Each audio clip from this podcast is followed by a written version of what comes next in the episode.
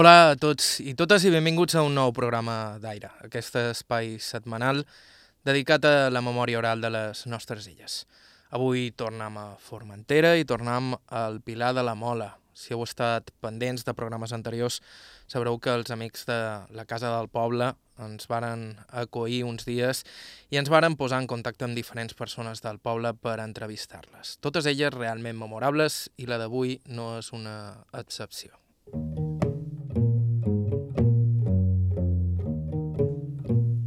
Allà la Mola es conserva encara el Molí Vell, un molí de vent construït el 1778, restaurat i obert al públic. I la persona encarregada d'obrir quan hi ha visites és la nostra protagonista d'avui, Maria del Pilar Mallans. En estiu estic sis mesos. Obrim cada dia menys el dilluns, el diumenge i el dilluns. Tots els altres dies, durant sis mesos, sí. Perquè, clar, jo, perquè l'he vist treballar, perquè de prop l'he vist treballar 10 anys. Entonces, eh, clar, eh, diuen, perquè jo la veritat és que, a veure, de l'edat que som no és per, per jo que fa una feina.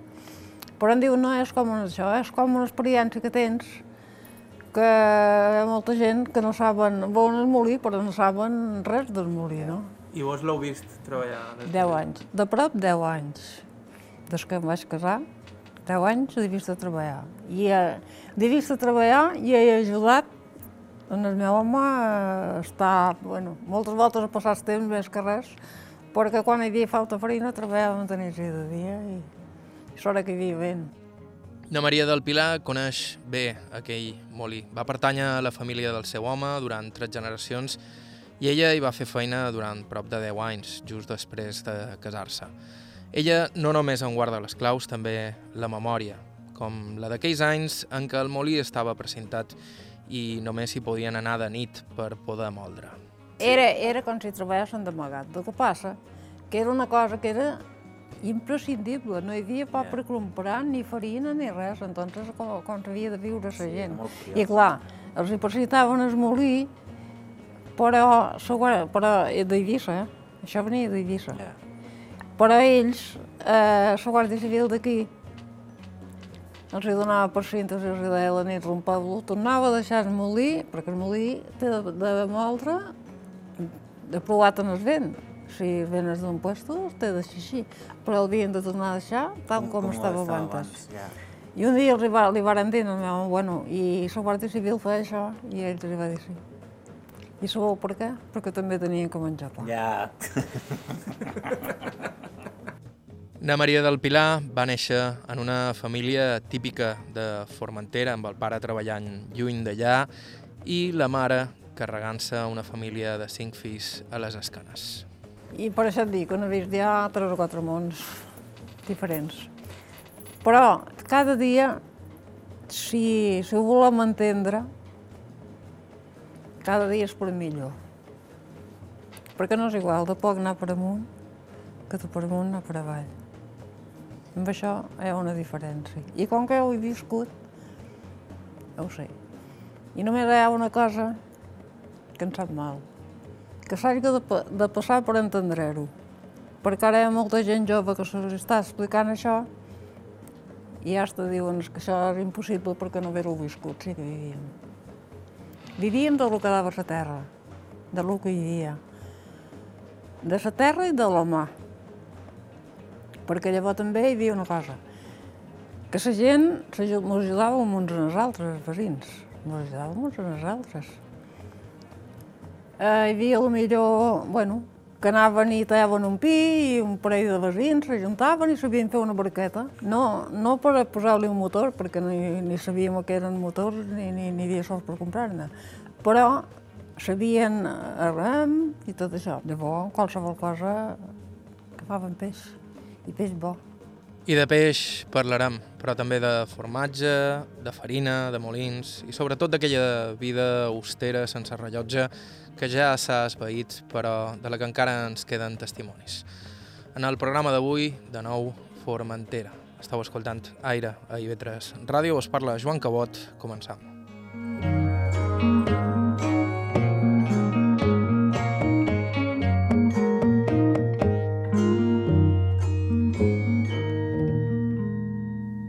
ho feim amb la nostra protagonista asseguda a la casa del poble de la Mola, amb la gravadora davant. Podem començar pel principi. Me podríeu dir el vostre nom complet i quan vareu néixer? Jo, el 35. El 35 i... Bueno, Maria del Pilar Maen Joan, el meu nom. I vareu néixer aquí a la Mola. Sí, tota la vida. Vaig néixer a la part de la cala i quan em vaig casar vaig venir en aquesta, en aquesta casa que el Moliner i 62 anys de matrimoni.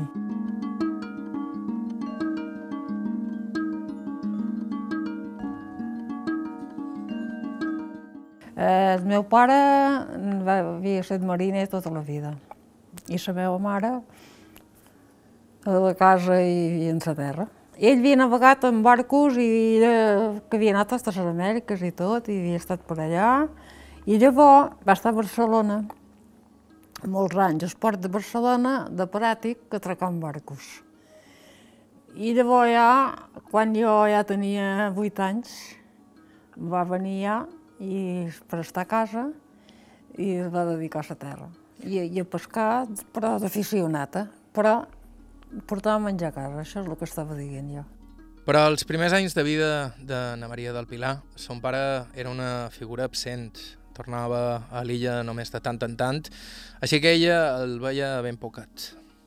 Mai, perquè llavors, és que us estic dient, a veure, quins canvis on he vist.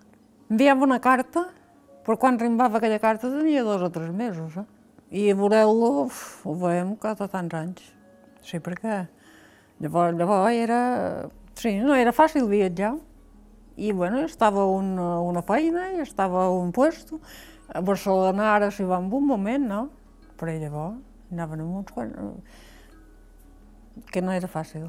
Ara tenim el telèfon, al mateix temps que, que parlam ja és com si mos véssim, però llavors quan ja dic que, que per almenys la carta més d'un mes la tenia, segur, i sí, a vegades dos. A veure, eh, en aquell temps podien passar moltes coses. I venia de família de mariners, el vostre pare. Sí, precisament sí. Perquè el seu pare, per això és que de 14 anys se'n van a navegar, perquè era el més gros de... Tenia tres germanes i un altre germà, eren cinc, era ell era el més gros. I el seu pare navegava en barcos de, de càrrega, i llavors portaven maderes i tot això, i va morir de- d'accident, li va caure una peça de madera per damunt i el va matar. I ell era el més gros i tenia 14 anys, encara no se sostenia, però bueno, de 14 anys se'n va anar a navegar i tots els altres eren més petits. Pues el mesquín, ell anava enviant sous a sa mare perquè pogués mantenir els seus germans.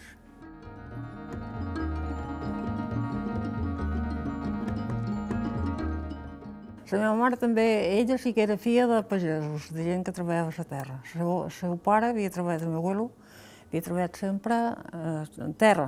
No, no per això que tenia ells, sinó que llavors portaven, eh, deien a millorar finques d'altra gent, però tota la vida havia treballat amb això. Per això ella, això li anava bé, tenia un, alguns animals i, bueno, feia formatges, bueno. I el que més m'ha sap és que les coses han canviat i tot ha canviat per bé. Però aquestes coses, quan fèiem llavors, no, no es fa ara, perquè ara ningú té temps i tot se fa ràpid. Llavors tot es feia normal, una cosa natural, herba, de formatjar, que allò ja havien de començar bueno, per, per, per buscar-ho tot. No es mirava mai els temps que es posaven les coses, sinó a fer les coses talment quan s'havien de fer.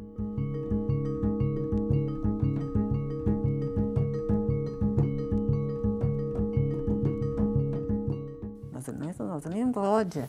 El dia que anàvem a Eivissa, me'n recordo que la meva mare deia aquella nit no dormíem, però no havien rimbat tard mai, anàvem a la Sabina, de casa de la Sabina, eh? un parell d'hores. Eh? Però mirava així les estrelles i deia ara, ara deu ser de més la mitjana nit, això. I ja partíem.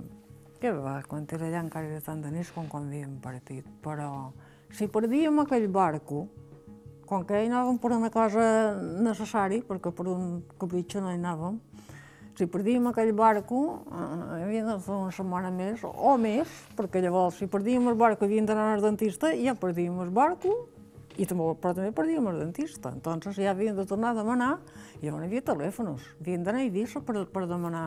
I, claro, i, i anàvem, i anàvem d'aquesta manera, pues, així, que, que era costós. Però teníem una raia d'alta llindar així de, de la porta, que quan l'ombra arribava en aquella raia, dèiem hores al migdia.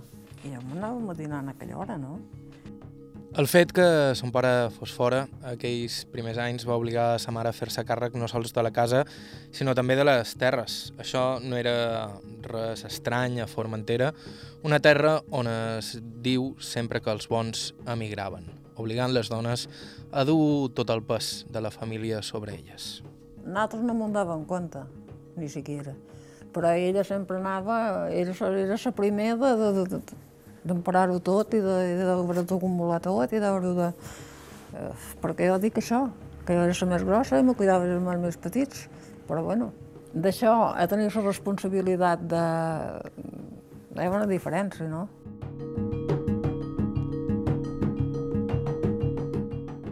Fem produir la terra de tot el que podíem, però hi havia dues coses que no ho podíem que era soli i l'arròs. Això, si en volíem, ho havíem de comprar. I sé que la meva mare deia, només que pogués veure, tenir sous per anar a la botiga a buscar aquestes coses que són necessaris i pagar-ho al comptat el dia que ho vaig a buscar, ja no demanaria res més. I gràcies a Déu ho va veure. Ho va veure. Però què dic? Els ous de les gallines Ara que en podríem menjar, no, sí, menjam. Només de pensar que podem menjar el que volem, ja pareix que no tens aquella d'això. Però llavors, record que teníem uns veïns i el dia que complien anys, sa mare els feia un ou estrellat, que deien, un ou frit. I dèiem a sa mamà, en les, bueno, de Can Blet, ah, la seva mare havia fet un ou frit i la mamà mos deia que més voldria jo que podràs donar. Els havia de guardar per vendre-los, per comprar oli, comprar arròs, coses d'aquestes, que no m'ho en cap, la veritat.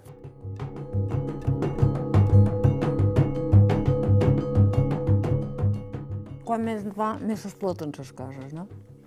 Però llavors anàvem a pescar arròs en menjàvem prou, ne regalàvem i fem de tot. Per què? Ara què?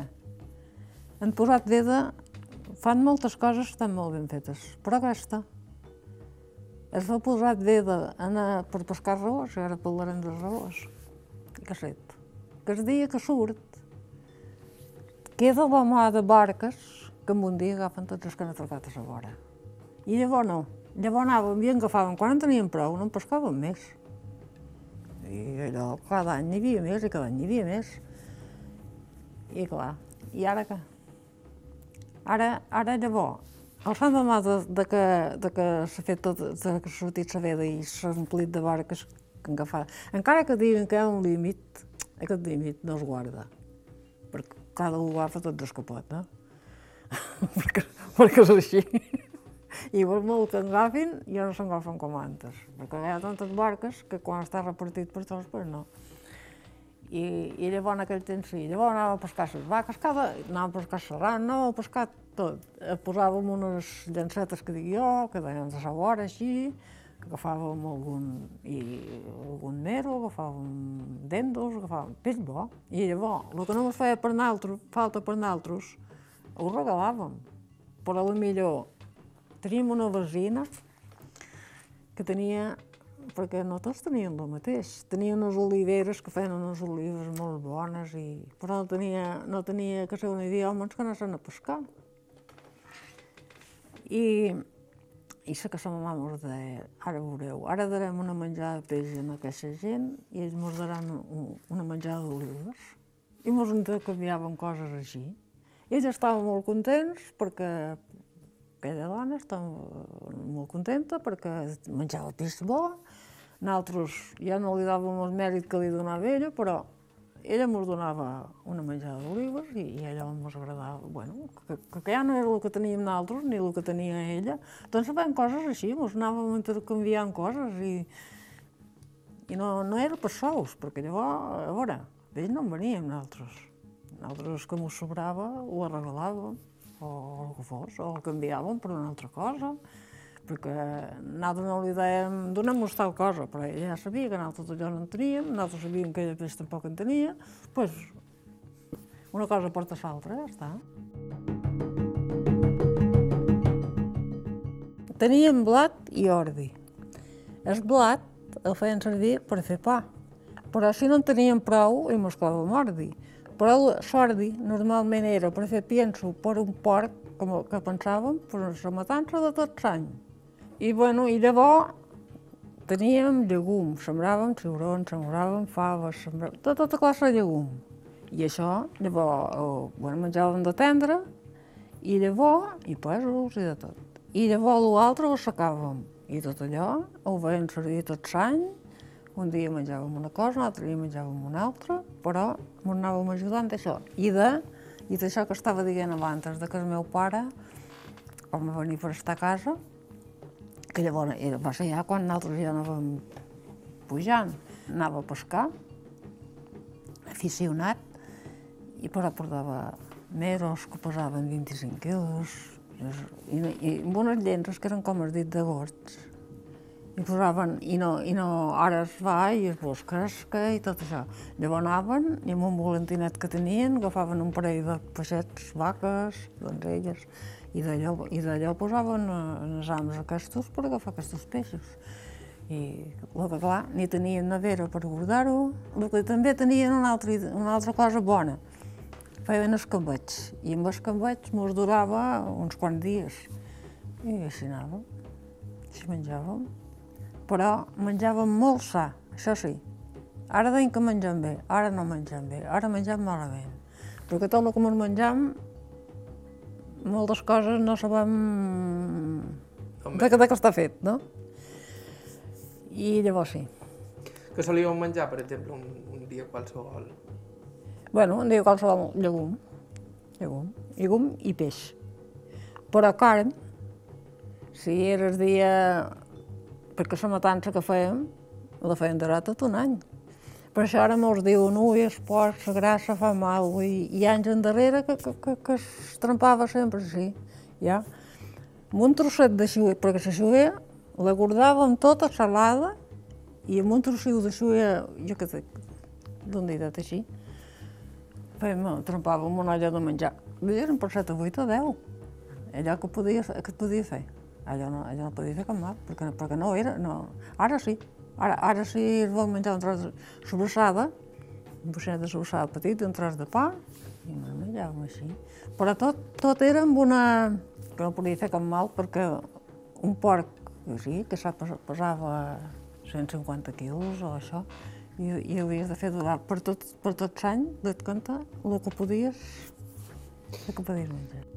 Era Maria del Pilar Mallans, del Pilar de la Mola, Formentera. Estau escoltant Aire a IB3 Ràdio. Fem una breu pausa i continuem.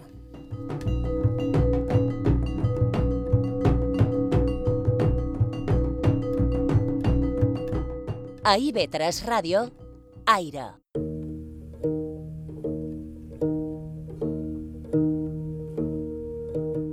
Aire, Joan Cabot.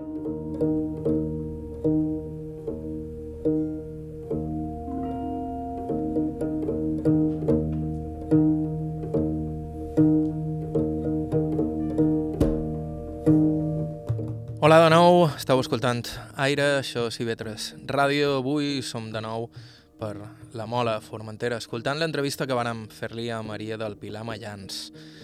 Ella és la guardiana del molí vell de la Mola, un molí que coneix bé perquè hi va treballar durant anys després de casar-se. Però això va ser més endavant. Ens havíem quedat parlant sobre les austeritats de la seva infància, amb un pare absent que havia hagut d'emigrar per trobar feina i una mare que feia tot quan podia i més per mantenir cinc fills ben alimentats. Els va tocar viure anys duríssims, els de la postguerra, però també anys més bons. De fet, ens havíem quedat en el moment en què Ana Maria del Pilar ens parlava de les matances que donaven carn per tot l'any. Una altra cosa, que això s'ha perdut. Perquè llavors, quan ja va començar a veure que, bueno, que hi havia la carnisseria, eh, perquè hem de fer matances, si no m'hi trobem el que volem i ja està. Però mos recollia, mos recollien tota la família, i era un dia de... un dia polit, perquè ens recollien la família. Ara, a veure, això no es fa. Entonces tot se va fent enrere, tot se va fent enrere i, i les coses són molt diferents, molt diferents. Llavors ens estimàvem tots com si fossin germans. Ara, ara també, però ja mos veiem, però hola, hola, ja està, però no tenim cap res, cap casa de comunicació per dir, i llavors sí, llavors, i, i en seus veïns, com que tot el que recollia, ho recollia manual, no? Perquè tot és, i llavors, per, bueno, ara tot són màquines i en un moment tot està fet, però en aquell temps no. I clar, eh, mos ajudàvem uns a nosaltres. Primer que acabava, anava a ajudar l'altre. Llavors, una vegada eren nosaltres que havíem d'ajudar, però l'altra vegada eren ells que ens havien d'ajudar. Entonces, que no, no miràvem els temps i miràvem res.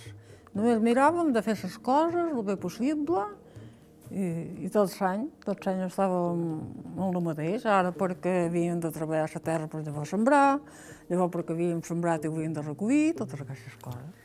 Amb el pare fora i la mare encarregant-se de les terres, na Maria del Pilar era ben joveneta quan va haver de fer-se càrrec de les feines de casa i de cuidar els seus germans. Tenia només 12 anys.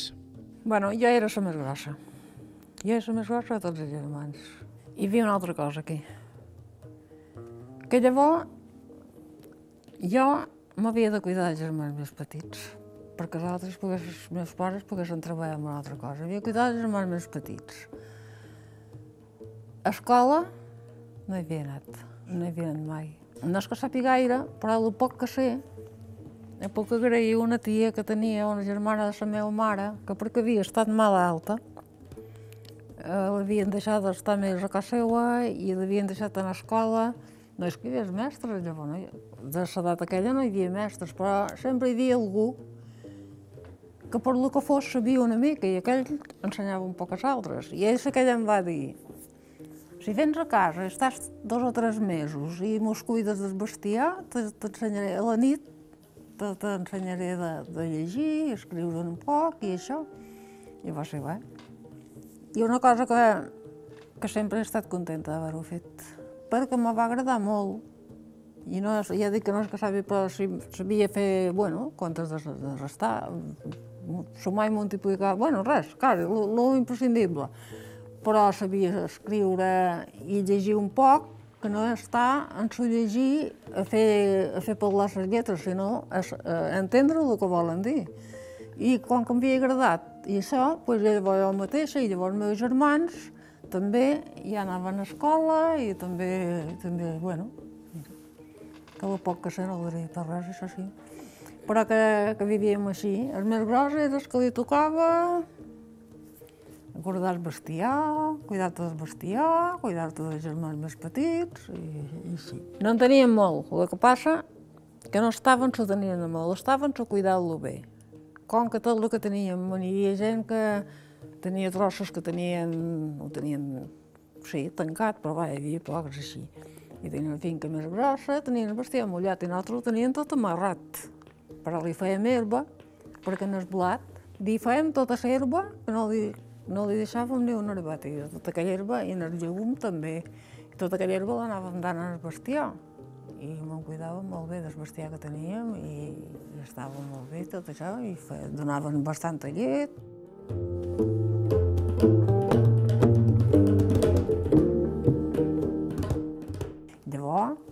el meu germà, bueno, és de Vall d'O i la meva mare, perquè clar, aquí la terra és bona, el que tenim una cosa dolenta, que no tenim aigua per regar. I en canvi, a Eivissa sí. I la temporada d'arrencar patata i moniato i això, sé que la meva mare se n'enduia el meu germà, jo me quedava en els càrrecs de tots els altres, i el meu pare, que llavors ja estava aquí també, però del meu pare la meva mare hi havia 12 anys, el meu pare tenia 12 anys més que la meva mare. Eh, se'n anaven a Eivissa, a arrencar patata i moniato, i ho portaven, i bueno, allò mos pareixia que era... Estaven de vegades un mes, i de vegades tornaven, i llavors en tornaven, però tampoc era fàcil, perquè ara és un bar que tant de rato, sense llavors. I una altra cosa, jo em recorda, si havien d'anar a Eivissa era perquè havien d'anar un dentista, a metges normalment, com que, no sé, la gent no estava malalta com ara tampoc. És que teníem enfermedats segons aquí, no tenia cap remei, això també. Només que tingués una pulmonia, ja no tenien remei, perquè no hi havia medicaments, ni metges, ni res. Però normalment, com que es menjava, el que es menjava era molt sa. Entonces la gent no estava malalta com ara. I hi havia molts de remeis caseros, que tenien constipat, bueno, allò, aigües de, de, de romania, aigües de, bueno, coses. I, bueno, ja dic, que, que normalment la gent estava molt més sana que no està ara, envellia molt més. I quina edat teníeu quan vos quedàveu ja tot sola? Jo Els vostres germans i els vostres pares partien? tenia 12 anys. 12 anys fins que vaig tenir 15. I me deixaven una... Jo sabia fer un, una pastara, sabia pastar, con rasforen, fer fa con rasforen, i fer pa. Jo sabia fer tot. De, de la casa, la mamà m'havia ensenyat a fer de tot, que llavors se'n anava. I me cuidava dels meus germans, me'n cuidava que anessin a escola. Clar, havia de tenir la roba neta, havia de fer net, havia... i llavors tampoc hi havia dutxes ni quartos de banys, però hi havia sabó i aigua, i un llibrell, i el pen rentava i es pentinava i se'n anaven cap a escola. I llavors feies menjar, jo me cuidava del bestiar que teníem, amb 12 anys, amb 12 anys i, i 13 hasta que em vaig tenir 15. I llavors ja, llavors ja, eh, bueno, ja ella va estar més a casa i, bueno,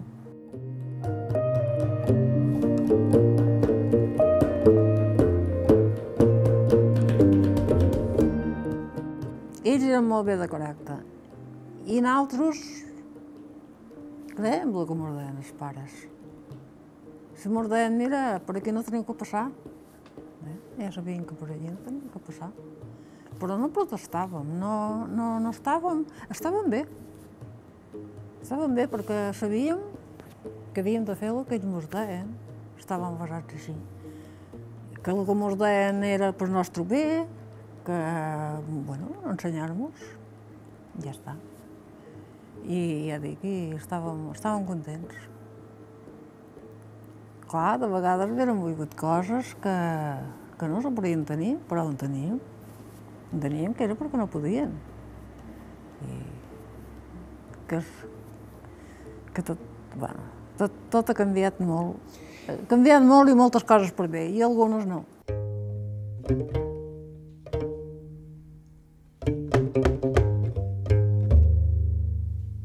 Com hem dit, a més, els va tocar surar els fills en uns anys duríssims, els de la postguerra, uns anys durs per a moltes famílies que van passar de veritat fam. Jo he passat la postguerra, però sa- de la guerra ells sí que ho passaren.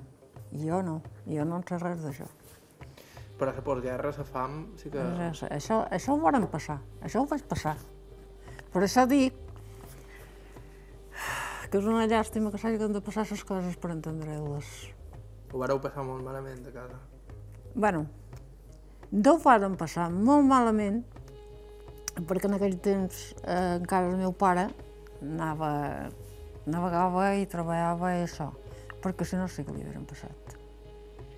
Eh, perquè, bueno, sempre, ja t'he dit, eh, últimament, no sé quants anys va estar a Esport de Barcelona, de pràctic, cercant barcos, però guanyava una pagueta. I, bueno, i sempre enviava alguna cosa, i... però, però no, no prou per tot, eh? Com, com vos feia arribar els?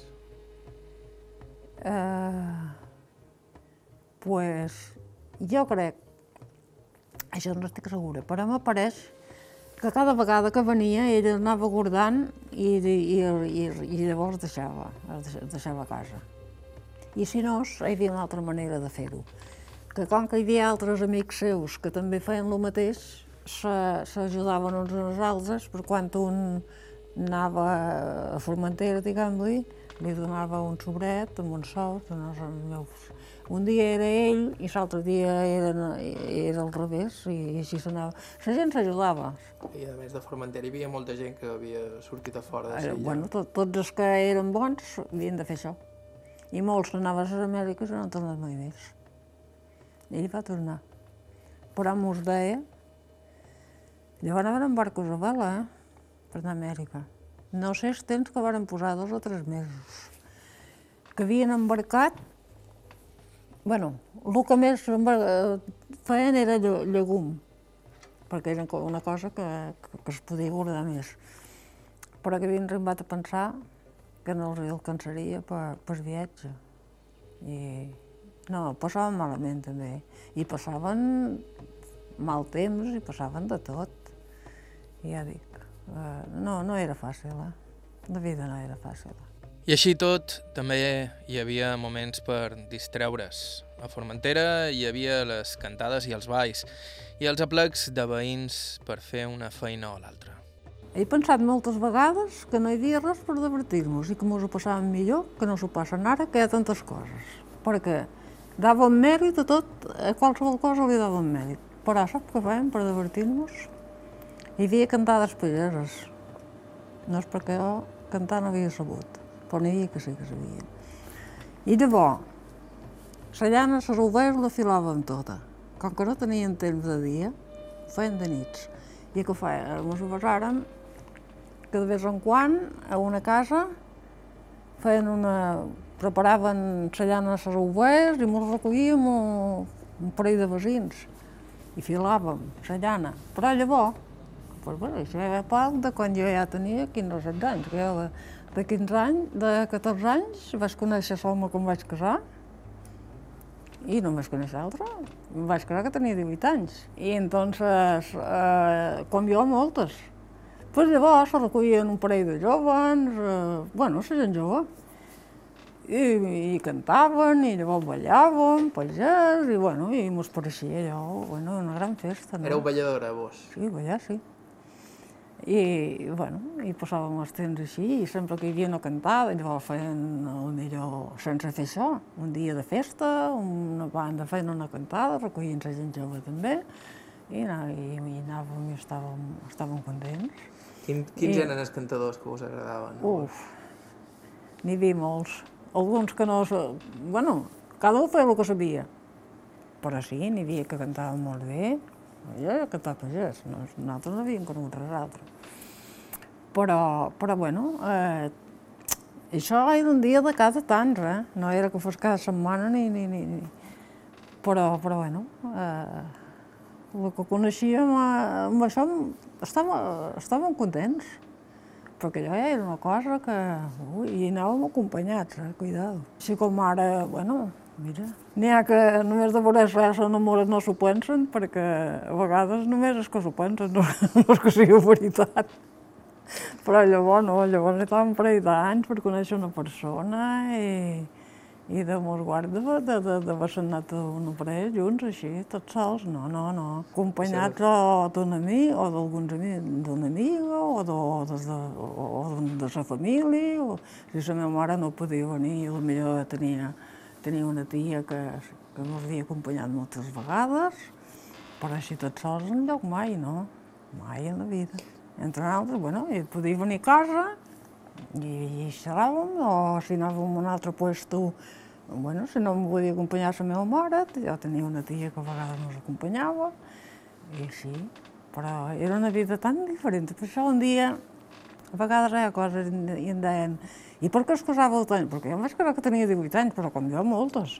I per què us casàveu tan joves? I dic, bueno, per què? Per sentit de que llibertat no en teníem. Entonces ara, per què no es casen? Perquè tenen tota la llibertat que volen, tant si es casen com si no es casen. La veritat és aquesta. Però tot això, en totes les coses, eh, ha canviat en tot. I per a ella, la vida va canviar quan, amb 18 anyats, va casar-se amb el seu home, moliner d'ofici i vocació. D'aquí uns segons ens sentirem parlar. Estau escoltant TV3 Ràdio, això és Aire, fem una pausa i continuem.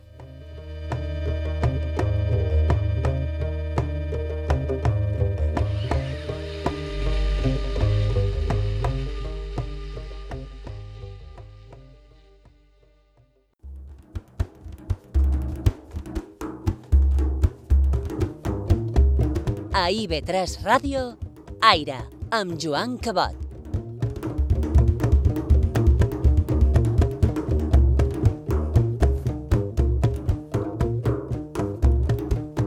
Hola de nou, continuem amb el programa d'avui d'Aire a la sintonia de IB3 Ràdio. Avui amb un programa protagonitzat per Maria del Pilar Mallans, nascuda l'any 1935 al Pilar de la Mola, a Formentera, on ha viscut tota la vida.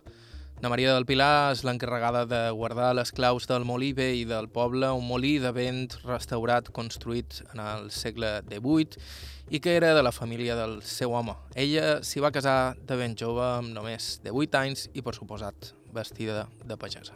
I vaig casar de pagesa, i fins que vaig tenir 25 anys vaig anar vestida de pagesa. Llavors la gent se va començar a anar vestint de curt. Aquell molí va ser de la família del seu marit durant tres generacions o més, i ella hi aniria a ajudar-lo un cop casats i durant més de 10 anys. Ell ho tota la vida, perquè ell venia, això és molí vell de la Mola, i ell eh, crec que era la generació que feia quatre.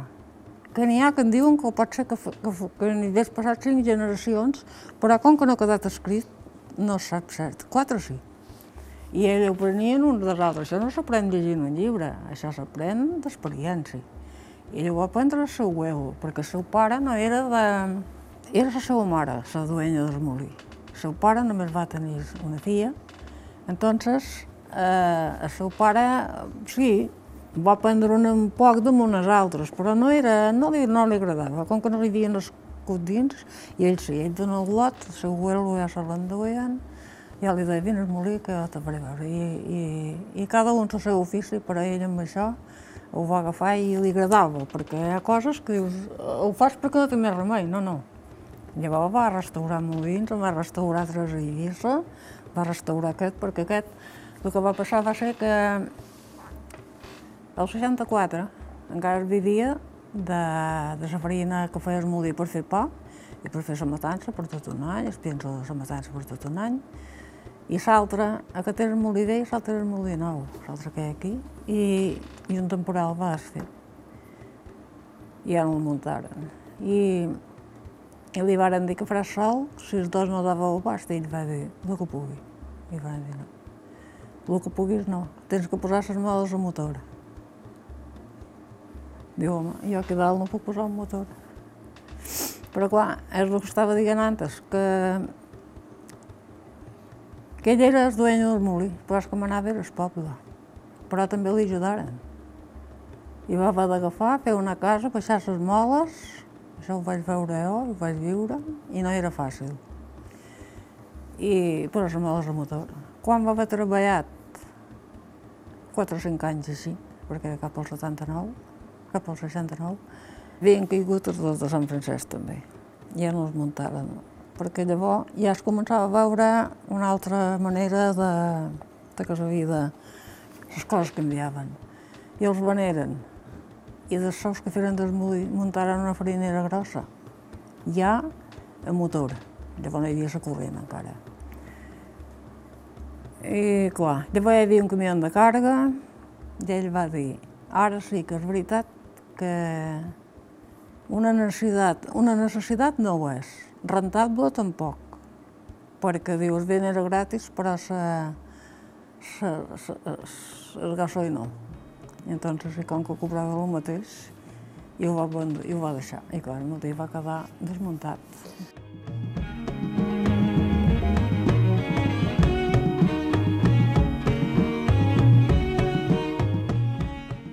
Venia la gent del poble i cobraven, cobraven en gra per dues coses. Una, que no hi havia sous per pagar, en, en sous, la gent no tenia sous.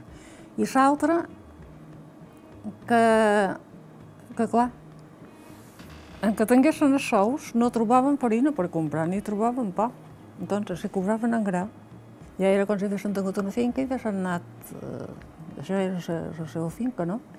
I clar, i així també ja tenien, ja tenien per, per, per fer pa, ja dic. I, i era una cosa curiosa, perquè a casa i encara n'hi ha. Allò, te, allò, com que ara tot va pas, llavors eren mesures. Si era una cortera, hi havia mitja cortera, nou almuts, un almut, mig almut. I tot això eren mesures que, que els feien ells mateixos, bé, sí, que ja, ja era antic, vell. I clar, eh, si era... Ja deien, bueno, aquests saques de cortera, ja sabien el que havien de, amb quina mesura ho havien de, de, de treure, el que havien de cobrar.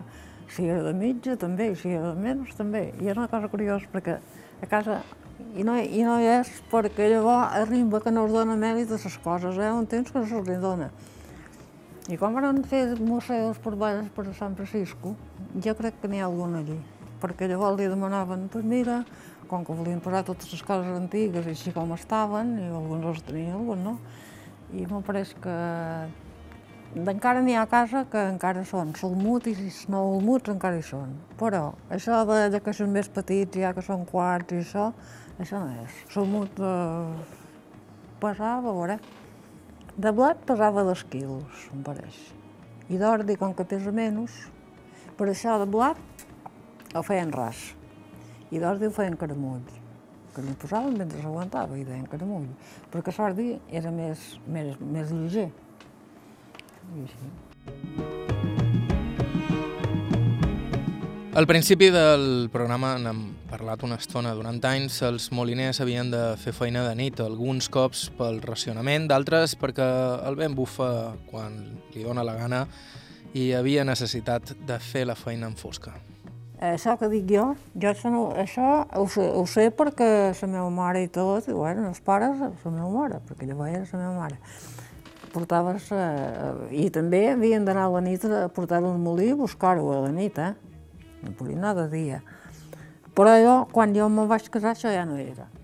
Això llavors ja volien de nits perquè hi havia falta farina, i si no hi havia vent de dia, on que n'hi hagués hi hagués falta farina, com que es, es, es fiava la farina que feies molí, doncs molien de nits. No hi havia horaris, per fer feina no hi havia horaris. I per això dic que moltes vegades, doncs mira, quan era la nit, sí, de dia tenia prou feina a casa també. Però quan era la nit, el millor feia dins a sopar i em deixava per de casa i m'enduia per, per dos i estàvem allí. La millor no feia casa, la millor feia un ventet així, però bueno, ja, ja el feia, ja, ja hi havia tot allò. I, i, i quan, quan més feina ja hi havia per moldre era quan es feia pienso d'esport, i era del mes de setembre d'hastes desembre. I encara en el mes de setembre feien dies molt bons, un ventet per bon temps i no feia fred, i posàvem allò quasi tota la nit. I per això dic que coses d'aquestes així, que no, no era, era mena, perquè hi havia falta de les coses, no era per, per una obligació, obligació per una part sí, però per l'altra era també perquè volia donar compte a la gent i, bueno, feia el que podia. Aquell molí que havia quedat malmès després d'una tormenta tornaria a funcionar. La gent del mateix poble va exigir-li al marit de Maria del Pilar que el posés a motor. I com ella explicava abans, quan tenies un molí, qui manava realment era el poble. Ell ja sabia que això era una enfeinada molt difícil, perquè llavors no hi havia ni camions de càrrega, ni hi havia res, però, i les moles pesen 800 quilos, una. I per baixar tot allò i portar-ho a una altra banda, com? Però clar, és el que dic, eh, m'anava al poble però li ajudaren, perquè tots els que hi caberen vengueren. I jo me'n recorda que el dia que varen, que varen desmuntar-lo per portar les moles que hi havia de fer una casa, per, per posar-les i tot això, vengueren al matí i em varen dir que els hi fes dinar. I en aquell temps no hi havia una carnisseria per poder anar a comprar carn per fer dinar, per dir això, bueno, que sempre, per, per ja un fa més o menys. Però com que tenien pollastres i gallines i això alguns, vaig agafar un pollastre, i, i el vaig preparar com per fer, bueno, un arròs, ara dirien un arròs mariner o no com vulguin, bueno, no ho sé. I, i havia de fer per dinar. I quan van ser les dos, i vaig anar al molí, que està a pocs metres del molí. I vaig anar al molí i els vaig dir, bueno, quan vulgueu posa res al foc. I em varen dir, no mos facis dinar, fes-mos sopar, que encara no ens haurem acabat.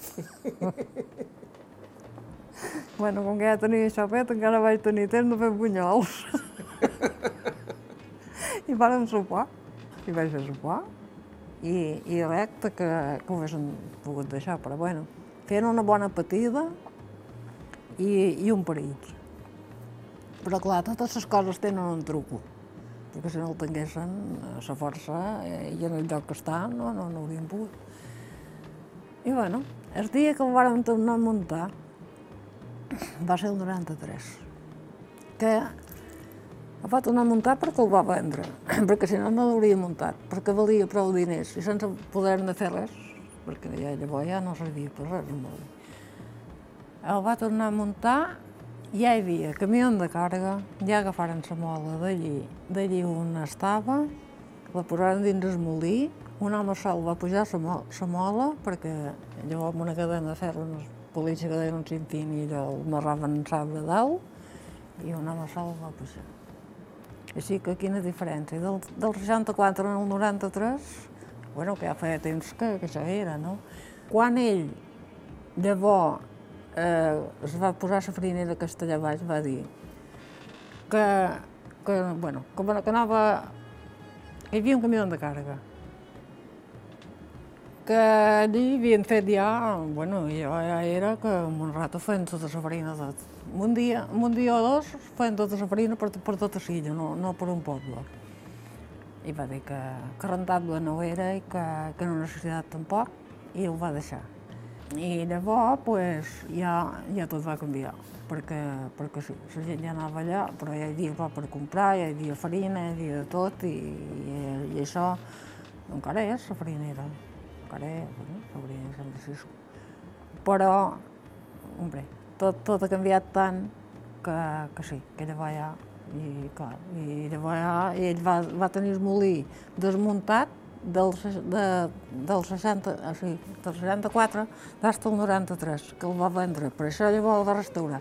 Perquè li varen dir una cosa, i ell va dir, jo el que m'ha sap molt de mal vendre el molí, sent una cosa de, de tant d'endarrere de la família, i ara va vendre el molí. I li varen dir, te volem dir una cosa, que tu no la saps per nosaltres sí. Des molí no en faràs res, perquè queda com a de patrimoni de cultura i no te'n faràs res des molí. Tot el que em pots fer és, si el vens, sous, i tu mateix restaurar-lo. I van fer una cosa molt polida, eh? perquè li varen dir, com que veiem que, no ho, fa, que ho fas perquè, perquè, no, perquè la veritat que no et dona res així, et, direm una, et deixarem una clau que el dia que tinguis gana d'anar-hi veureu només de, o que tinguis un amic que vol veure el que siga, quan si el molí fas teu, tu vas, obris el molí, te'l mires, estàs allà si vols estar, o deixes veure un amic o el que vulguis. I a casa hi ha hagut una clau sempre del molí. I això el va li va dar un poc de tranquil·litat i un poc d'això, si no estava desesperat de vendre-lo. Aquí, aquest, aquest d'aquí, era de dos, de dos germanes. Eren dos germanes que no tenien, bueno, que tenien més parents eren cosins, perquè elles no havien tingut família ni això, ni eren solteres. I varen dir, no, nosaltres no volem vendre el molí. No volem vendre, però el molí com que havia caigut i estava desfet també, tampoc no han fet res mai. Ara, a què? Del molí no en faran res, perquè elles no venien pensant un dia i farem una casa, no? Però no, perquè això que varen dir és veritat. I jo, és una cosa de les que trobo, però molt bé, perquè no quedaria res d'endarrere. Entonces ara, aquest molí està obert sis mesos d'estiu gratuïtament per tots els que el vulguin veure, no? I jo, com em van dir, i vols estar tu, que l'has vist treballar? I quan me van dir les condicions que posaven, dic sí. Sí, perquè el molí me l'estima, el molí m'agrada i sempre és una cosa, com que ho tinc a casa, I a ella li encanta la seva tasca. Aquell mateix dia que ens trobam i l'entrevistam, al matí havia obert el molí per un grup d'escolars que havien anat a visitar-lo. Deu anys. Deu anys. De, deu anys era el meu home, però jo, si havia de mal de nit, jo me'n duia a sopar i m'anava a Per això jo tenc records bons del molí. I com que tenc records bons, quan me'n vaig a dir, no me'n vaig a fer feina. Me'n vaig a... Ara avui mateix hem vengut una excursió, bueno, tots els alumnes de l'escola de la Mola, que eren 56, i quan se'n anaven, doncs gràcies Maria, gràcies Maria, i dic gràcies a vosaltres. Dic, per jo, és, una, és un plaer, és, és poder-vos veure, és poder estar amb vosaltres i explicar als alumnes mesquins, que tots... I, i és veritat, és una cosa que a jo me dona bon, bon estar, eh,